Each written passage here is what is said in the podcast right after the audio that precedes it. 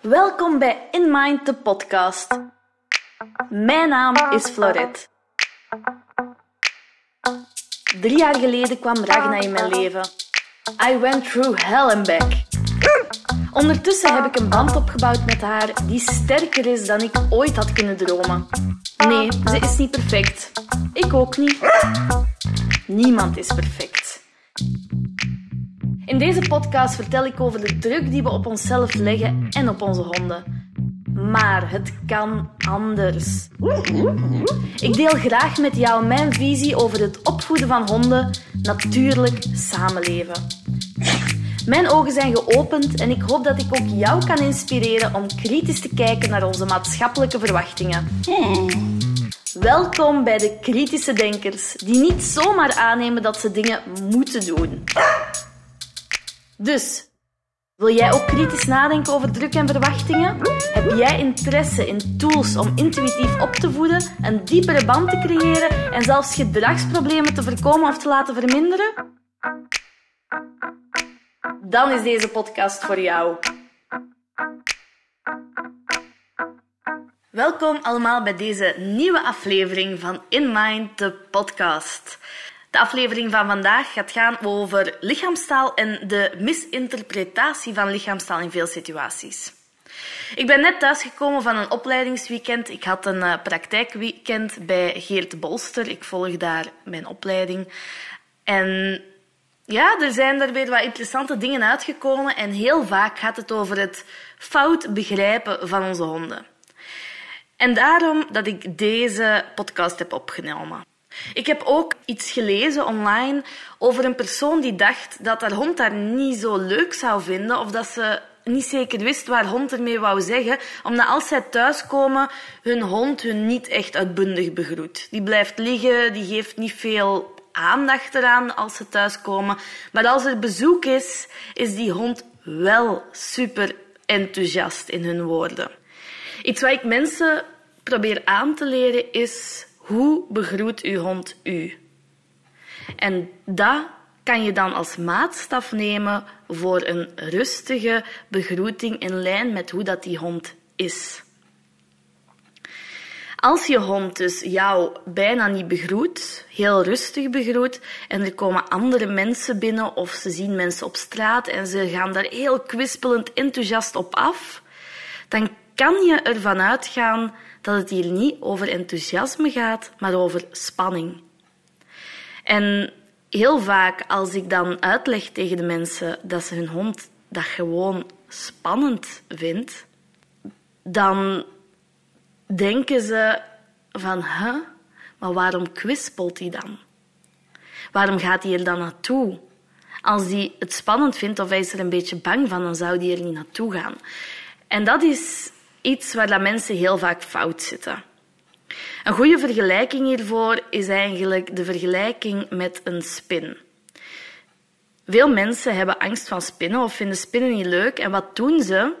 Ze gaan die spin aankijken en ze gaan die in het oog houden. Ze gaan daar naartoe, op een afstandje bij mensen wel, om na te gaan dat we zeker weten waar dat die spin zit. Dus dat is controlerend gedrag. Een hond die bezoek blijft bespringen en niet tot rust komt, of heel met extreem enthousiasme naar mensen gaat, die vertoont eigenlijk in de meeste gevallen controlerend gedrag. Ze blijven bij die spannende prikkel, omdat ze die dan volgens hun kunnen controleren. Ik weet ondertussen dat er maar één iemand is die je kan controleren in je leven en dat ben je zelf. Maar dat weet jouw hond nog niet. Als jij een hond hebt die zo omgaat. Dus als eerste kan ik al wel zeggen, als jouw hond gewoon rustig blijft liggen als jij thuis komt, wil dat niet zeggen dat je hond je niet leuk vindt of niet blij is dat jij er bent. Je hebt gewoon een kalme hond, een rustige hond. Als die hond bij andere mensen dan geheel anders gaat reageren, dan wil dat zeggen dat die hond eigenlijk het spannend vindt dat er andere mensen op bezoek komen of dat er andere mensen op straat voorbij komen. Je ziet dat ook heel vaak met honden die heel hard beginnen uit te vallen. Uh, waarbij dat mensen zeggen van ja, die wilt gewoon spelen. Omdat als die dan uiteindelijk bij die hond geraakt, Uh, want dan is het over, dan begint die hond zot te doen. En dat zot, dat is eigenlijk wat ze in de term noemen fiddle-about. Dat is een spanningsuiting. Die hond is daarbij niet gek aan het doen en aan het spelen, maar dat is zijn manier van spanning te uiten. Dus je hebt de fight, uitvallen of aanvallen. Je hebt de flight, is vluchten, freeze, bevriezen en dan de fiddle-about, het zotte, het zotte kuur, de zotte kuren krijgen. En het is het misbegrip dat daar aanhangt, dat ervoor zorgt dat, er, dat, de, dat eigenlijk de veiligheid van je hond in de weg staat. Ook honden die frustratieblaffers zijn aan de lijn, die echt naar die andere hond toe willen, die doen dat vaak uit spanning. Die honden willen het controleren. Dus eigenlijk als je hond uitvalt, heb je vaak twee redenen. Oftewel vallen ze uit om te zeggen back off, blijf uit mijn buurt. Oftewel vallen ze uit omdat ze er naartoe willen. Meestal hoor je het verschil in de toon van de blaf. Een iets hogere blaf is over het algemeen uh, een afstandsverkleinende blaf, dus ze willen dat de hond dichter komt. En een lage blaf is over het algemeen een afstandsvergrotende blaf. Ze willen dat je uit de buurt blijft. Ook bij de kwispels zie je de verschillende kwispels. Een normale, gelukkige kwispel is een heel soepele kwispel die heel traag van links naar rechts gaat. Dus die kwispel die gaat van het ene oor naar het andere oor. Daar zit soepelheid in dat lijf, er zit soepelheid in heel het lichaam, in de poep. Um, en die kwispel buigt ook. Een kwispel waar dan meer spanning op zit, die gaat sneller. Een kwispel waar dat veel spanning op zit, die is heel stijf, die is hard. En als er honden zijn die een hond zien en die trekken daar naartoe en die kwispel die gaat, staat vrij hoog en die gaat snel van links naar rechts, dat is een spanningskwispel. Dat is geen gelukkige kwispel. Wat ik bijvoorbeeld bij Ragna heel veel zie, is een propellerkwispel. Dus die haar staart gaat alle kanten uit. En dat is omdat die vol zit met tegenstrijdige gevoelens. Ergens wil ze er naartoe, maar ze wil het ook niet. Er is spanning, er is blijdschap, er is alles tegelijkertijd en ze weet met zichzelf geen blijf te vinden. Nu, dat is wel eh, het verhaal van Ragna. Ze weet nooit wat ze wilt of wat ze nodig heeft en ze kan niet kiezen, dus uh, haar emoties gaan alle kanten op. Maar wat zien we dus heel vaak bij, bij bezoek? Dat honden er heel hevig op gaan springen en gaan duwen. En dat is dus geen, in heel veel gevallen, geen enthousiasme. Wat is een mooie begroeting bij een hond? We kunnen eerst al als maatstaf nemen de begroeting dat de hond naar jou als vertrouwenspersoon heeft. Dus bij Ragna is dat, zij komt met haar kwispelpoep af, ze springt eventjes op en dan gaat ze wat knuffelen, door onze benen draaien. Daarna hebben wij er een ritueeltje aan gekoppeld, springt ze op de zetel, zij krijgt haar aaitjes en dan is het voorbij. Wat is wat wij zien bij ons bezoek? Dat zijn hard opspringen. Ze duwt met haar poten, haar staart gaat alle kanten op. Ze blaft ook, hoog, laag. Ze weet niet wat ze wilt. Ze blijft springen, springen, springen en ze kan niet tot rust komen. Dat is pure spanning. Zij is niet enthousiaster om het bezoek te zien dan om ons te zien. Zij is gewoon vol met spanning en ze weet niet hoe dat ze dat moet uiten. En dat zien we heel veel bij honden. We zien dat ook uh, bij puppies of pubers begint dat ook op te komen. Als pup ging dat allemaal nog goed, dan worden ze puber, ze beginnen in hun hormonen te komen en dat territorium begint te dagen. En voor honden is het super vreemd dat er mensen op hun territorium komen. Dat is niet normaal voor een hond. Als je honden gaat bestuderen in het wild, dan blijven die altijd op hun eigen territorium.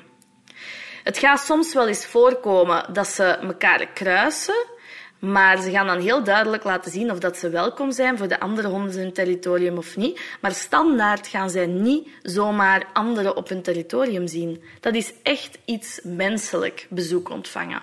Dus dat is het eerste dat je wel moet onthouden, dat bezoek voor honden compleet onnatuurlijk is. Als we dan gaan kijken naar onze pubers, hoe kunnen we nu helpen in die tijd? Want alle pubers gaan door die fase gaan, dat ze bezoek moeilijk gaan vinden, dat ze dat heel hard opspringen gaan doen. Um, en het is zo, en dat is neurologisch, dat als je gedrag veel beoefent, dan wordt dat een neurologisch pad. Dat wil zeggen een actie-reactie die vast geprogrammeerd zitten in de hersenen.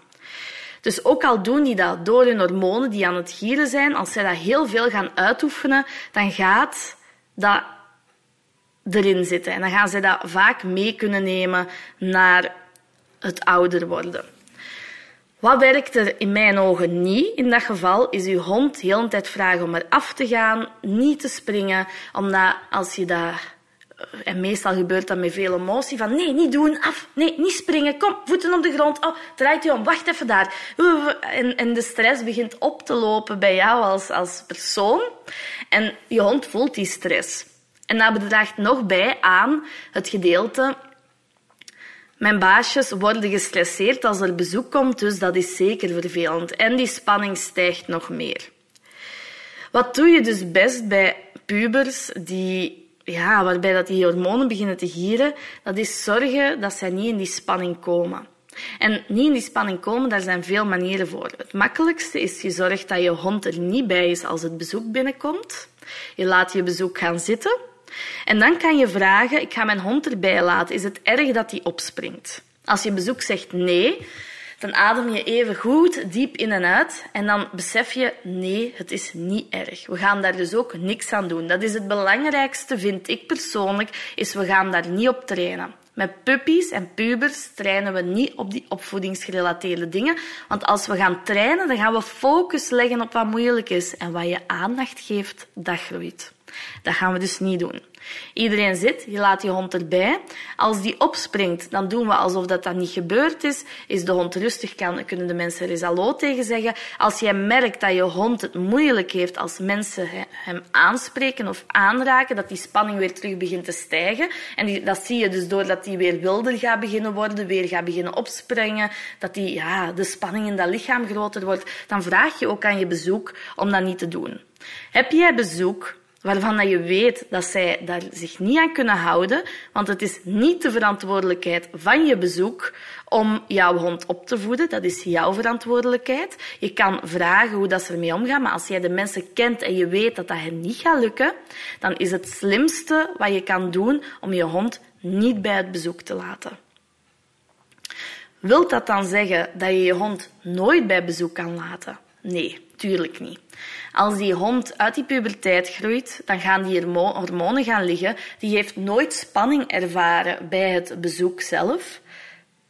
Dus wat gaat er gebeuren? Die hond vindt bezoek helemaal niet zo spannend. In het algemeen. Natuurlijk hebben we onze hoogsensitieve honden, die daar een uitzondering voor zijn, die alles spannend vinden. Maar de gemiddelde hond gaat na zijn puberteit, als er nooit geen spanning ervaren is in een bepaalde situatie, die spanning niet meer hebben. Eigenlijk zie ik dat zo in alles van de opvoeding van jonge honden. Zolang dat het goed gaat, blijf je het doen. Vaak is dat met de puppies het geval. Vanaf dat die puberteit komt, ga je die zaken vermijden, zodat er geen neurologische paden in de hersenen worden gevormd die wij moeilijk vinden. Zodat de hond ook geen linken kan leggen van spanning, slechte situaties. Dus wij gaan die situaties vermijden. Antisocialisatie, socialisatie.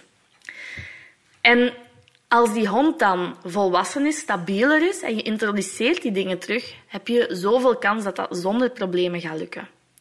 Zelfs met pubers die je adopteert uit het asiel, is het het beste om die eventjes af te schermen van alles wat ze moeilijk vinden. Wanneer dat die pubers eruit groeien, dan gaan die het veel makkelijker hebben om die dingen aan te leren. Dus ideaal ga je met je puppy zolang dat hij er nog geen moeite mee heeft, situaties opzoeken. Vanaf dat hij er moeite mee begint te krijgen of dat hij in de puberteit komt en zaken niet meer aan kan, ga je vermijden. En dan ga je dus zorgen dat je hond op een stabiele manier een veilige kokon kan bouwen. Want wat zit er eigenlijk achter alles wat met de opvoeding te maken heeft? Dat is die veiligheid. Die veilige kokon bouwen. Zorgen dat jij gelijk staat aan veiligheid, dat je huis gelijk staat aan veiligheid en dat die hond weet, mijn eigenaar of mijn ouder, want ik spreek altijd over, ik ben een ouder van een hond. Dus mijn ouder, die gaat mij niet in onveilige situaties brengen. Ik ben veilig bij die persoon. Nu, natuurlijk wordt het wel wat moeilijker wanneer je een hond hebt die het niet aanvaardt om in een andere kamer te zijn, maar zelfs daar kan je op oefenen. En dat zijn zaken natuurlijk waar dat er iets meer begeleiding aan te pas komt. Want ik ben wel een hele grote fan van begeleiding nemen tijdens de opvoeding van je pup en van je puber. En met begeleiding bedoel ik niet de hondenschool. Want zoals ik in eerdere podcast al heb verteld, is de hondenschool eigenlijk een manier om gehoorzaamheidstraining te doen, een sport, een hobby. Hondenscholen leren je niet hoe dat je je hond kan opvoeden. Want opvoeding, dat gebeurt in huis. Dat, dat is die band opbouwen samen. Dat is die veiligheid creëren. Ook aan de lijn wandelen buiten is iets dat je moet opbouwen. Dat je begint in heel makkelijke situaties. Of zolang je puppy het nog kan, kan je die blootstellen aan hevigere zaken. Maar je moet altijd natuurlijk kunnen zien aan je puppy of dat hij het moeilijk heeft of niet. Vanaf dat hij in de puberteit komt en alles wordt moeilijker, dan ga je hem terug, uh, gas terugnemen. En dan ga je alleen nog maar doen wat goed gaat. We gaan focussen op wat goed gaat. Altijd, in elke situatie. Of dat nu gaat over een puppy, een puber, gedragsveranderingen. Ik heb ook een volledige cursus over hoe ga je dat bewust opvoeden, hoe ga je dat toepassen. Wat zit daar allemaal in? In heel die cursus zitten zelf SOS-onderdeeltjes van help, mijn hond bijt of help, uh, bezoek ontvangen lukt niet, waar ik alles in detail ga uitleggen. Maar aan de basis van alles ligt lichaamstaal. Want je hond is een wezen dat eigenlijk dezelfde noden heeft als kinderen, als baby's, maar ze spreken een volledig andere taal. En als jij hun taal niet kan lezen en niet weet hoe dat jij kan communiceren met je hond in een taal dat zij begrijpen, dan geraak je natuurlijk nergens. Want je kan niet zien als iets te veel wordt voor je hond, als je de taal niet spreekt. Als jij bijvoorbeeld denkt dat je hond veel gelukkiger is als er bezoek komt dan als jij thuis komt, dan wil dat zeggen dat er ergens iets van hondentaalkennis mist. Het kan zijn dat je hond gek is van bezoek, dat hij daar echt heel gelukkig van wordt en ook in het rood gaat omdat hij zijn enthousiasme te groot is. Dat kan ook. Maar dan ook weer ga je je hond moeten beschermen tegen zijn eigen enthousiasme. En meestal zien we dat bij pubers of met volwassen honden die altijd in die spanning hebben gezeten. Want vergis u niet, hè, stress en spanning kan zowel positief als negatief zijn.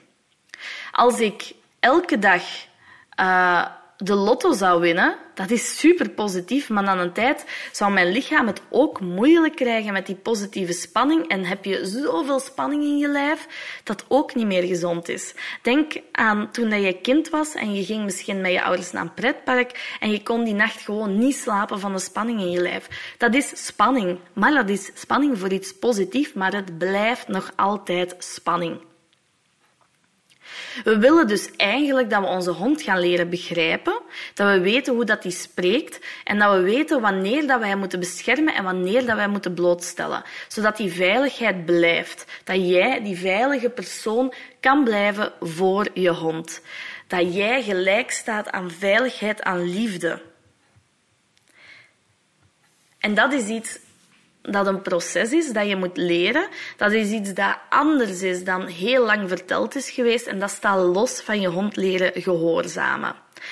Dat heeft eigenlijk zelfs niks met gehoorzaamheid te maken. Want je kan je hond inderdaad leren dat hij op zijn matje moet gaan als er bezoek komt. Maar als jouw hond dat kan, dan is dat supergoed, want dan wil dat zeggen dat hij niet zo extreem veel spanning voelt bij bezoek dat hij rustig op zijn matje kan gaan liggen. Probeer je dat te leren aan een hond die super veel spanning heeft wanneer dat er bezoek komt, die eigenlijk in het rood zit in zijn hersenen, die kan niet op zijn matje gaan hoe goed dat hij dat ook kan zonder dat er bezoek is. Dat bezoek zorgt ervoor dat er zoveel gebeurt in dat lichaam, in die hersenen, dat hij zich nimmer kan concentreren op de taak dat jij die geeft. Je gooit er gewoon nog iets extra bij en die hond kan niet kopen. Wat heb je soms als je koekjes in je handen hebt? Dan gaat die hond wel op dat matje liggen, omdat hij dan even gefocust is van, ah ja, koekje, ik ga daar liggen. Maar dan geef je dat koekje en dan is die weer direct er terug af en dan gaat hij daar niet kunnen blijven rustig worden. Want dat is uiteindelijk wat we allemaal willen. We willen dat een hond rustig kan reageren op bepaalde situaties. Dat rustig reageren kunnen we niet aanleren aan een hond die in spanning zit. Dat is gewoon niet mogelijk. Dus wat doen we dan? We moeten zorgen dat we eerst die hond leren dat rust en bezoek ook kan werken. Dat bezoek niet spannend hoeft te zijn. En dat doen we dus door die op die momenten uit die moeilijke situaties te houden, om hem te leren van kijk, hier zijn nu mensen, maar jij zit rustig in die andere kamer. Nu als die mensen allemaal zitten en jij bent rustig, dan mag je hallo gaan zetten en dan kan je terug op je matje gaan liggen. Als jouw hond dat kan, leert hij dat er geen reden is om bezoek spannend te vinden. Want wat is heel vaak het spannendste moment? Is aan de deur. Die mensen komen dat territorium binnen. En die hond die weet niet wat er gebeurt, die weet niet hoe dat die moet reageren, die voelt heel veel. En dan gaat het mis. Dan heb je honden die inderdaad even die spanning hebben, vijf minuutjes heel hard opspringen en zot zijn en dan tot rust komen. Dan kan dat in principe geen kwaad. Als jij dat niet erg vindt, dan kan die hond zichzelf terug tot rust laten komen. Als jij een hond hebt dat in die spanning blijft zitten en niet tot rust kan komen, dan hebben, kunnen we een probleem creëren als dat zich doorzet. Als dat elke keer opnieuw zo gaat zijn, want dan gaan we een neurologisch pad creëren in de hersenen. Dit was eventjes een, een kortere, meer informatieve podcast, maar dat is wel iets waar mensen veel mee struggelen. Het gedrag van hun hond juist begrijpen. Wat zit daar echt achter? Hoe, hoe werkt dat? Hoe werkt dat lichaam van die hond? Wat laat hij zien in zijn lichaamstaal? Als je dus interesse hebt in begeleiding of je wilt een online cursus van mij volgen, stuur me dan een berichtje. Vooral voor mijn online cursussen, als je laat weten dat je het via deze podcast komt, dan ga ik jou een heel interessante prijs aanbieden. Je vindt meer over mij op Instagram, at florette.inmind, of via mijn website www.inmind.dog. Ik hoop dat jullie dit interessant vonden en als je dit zelf ook aangenaam vond, stuur me dan zeker iets. Laat me weten wat je ervan vond. En als je wilt samenwerken met mij, dan ben ik beschikbaar voor een gratis kennismakingsgesprek. Ik wens jullie nog een hele fijne dag en hopelijk tot een volgende keer. Dankjewel om te luisteren naar In Mind, de podcast. Ik vind het zalig om met anderen te connecteren. Dus vond je deze aflevering interessant? Deel hem dan op Instagram en tag me. @floret.inmind. Hoe meer mensen we kunnen bereiken, des te beter de toekomst wordt voor ons en onze trouwe viervoeters. Wil je niets missen van deze podcast? Dan kan je je altijd abonneren. Je mag ook een review achterlaten als je daar zin in hebt. Ik ga alvast terug naar Ragna en tot volgende keer.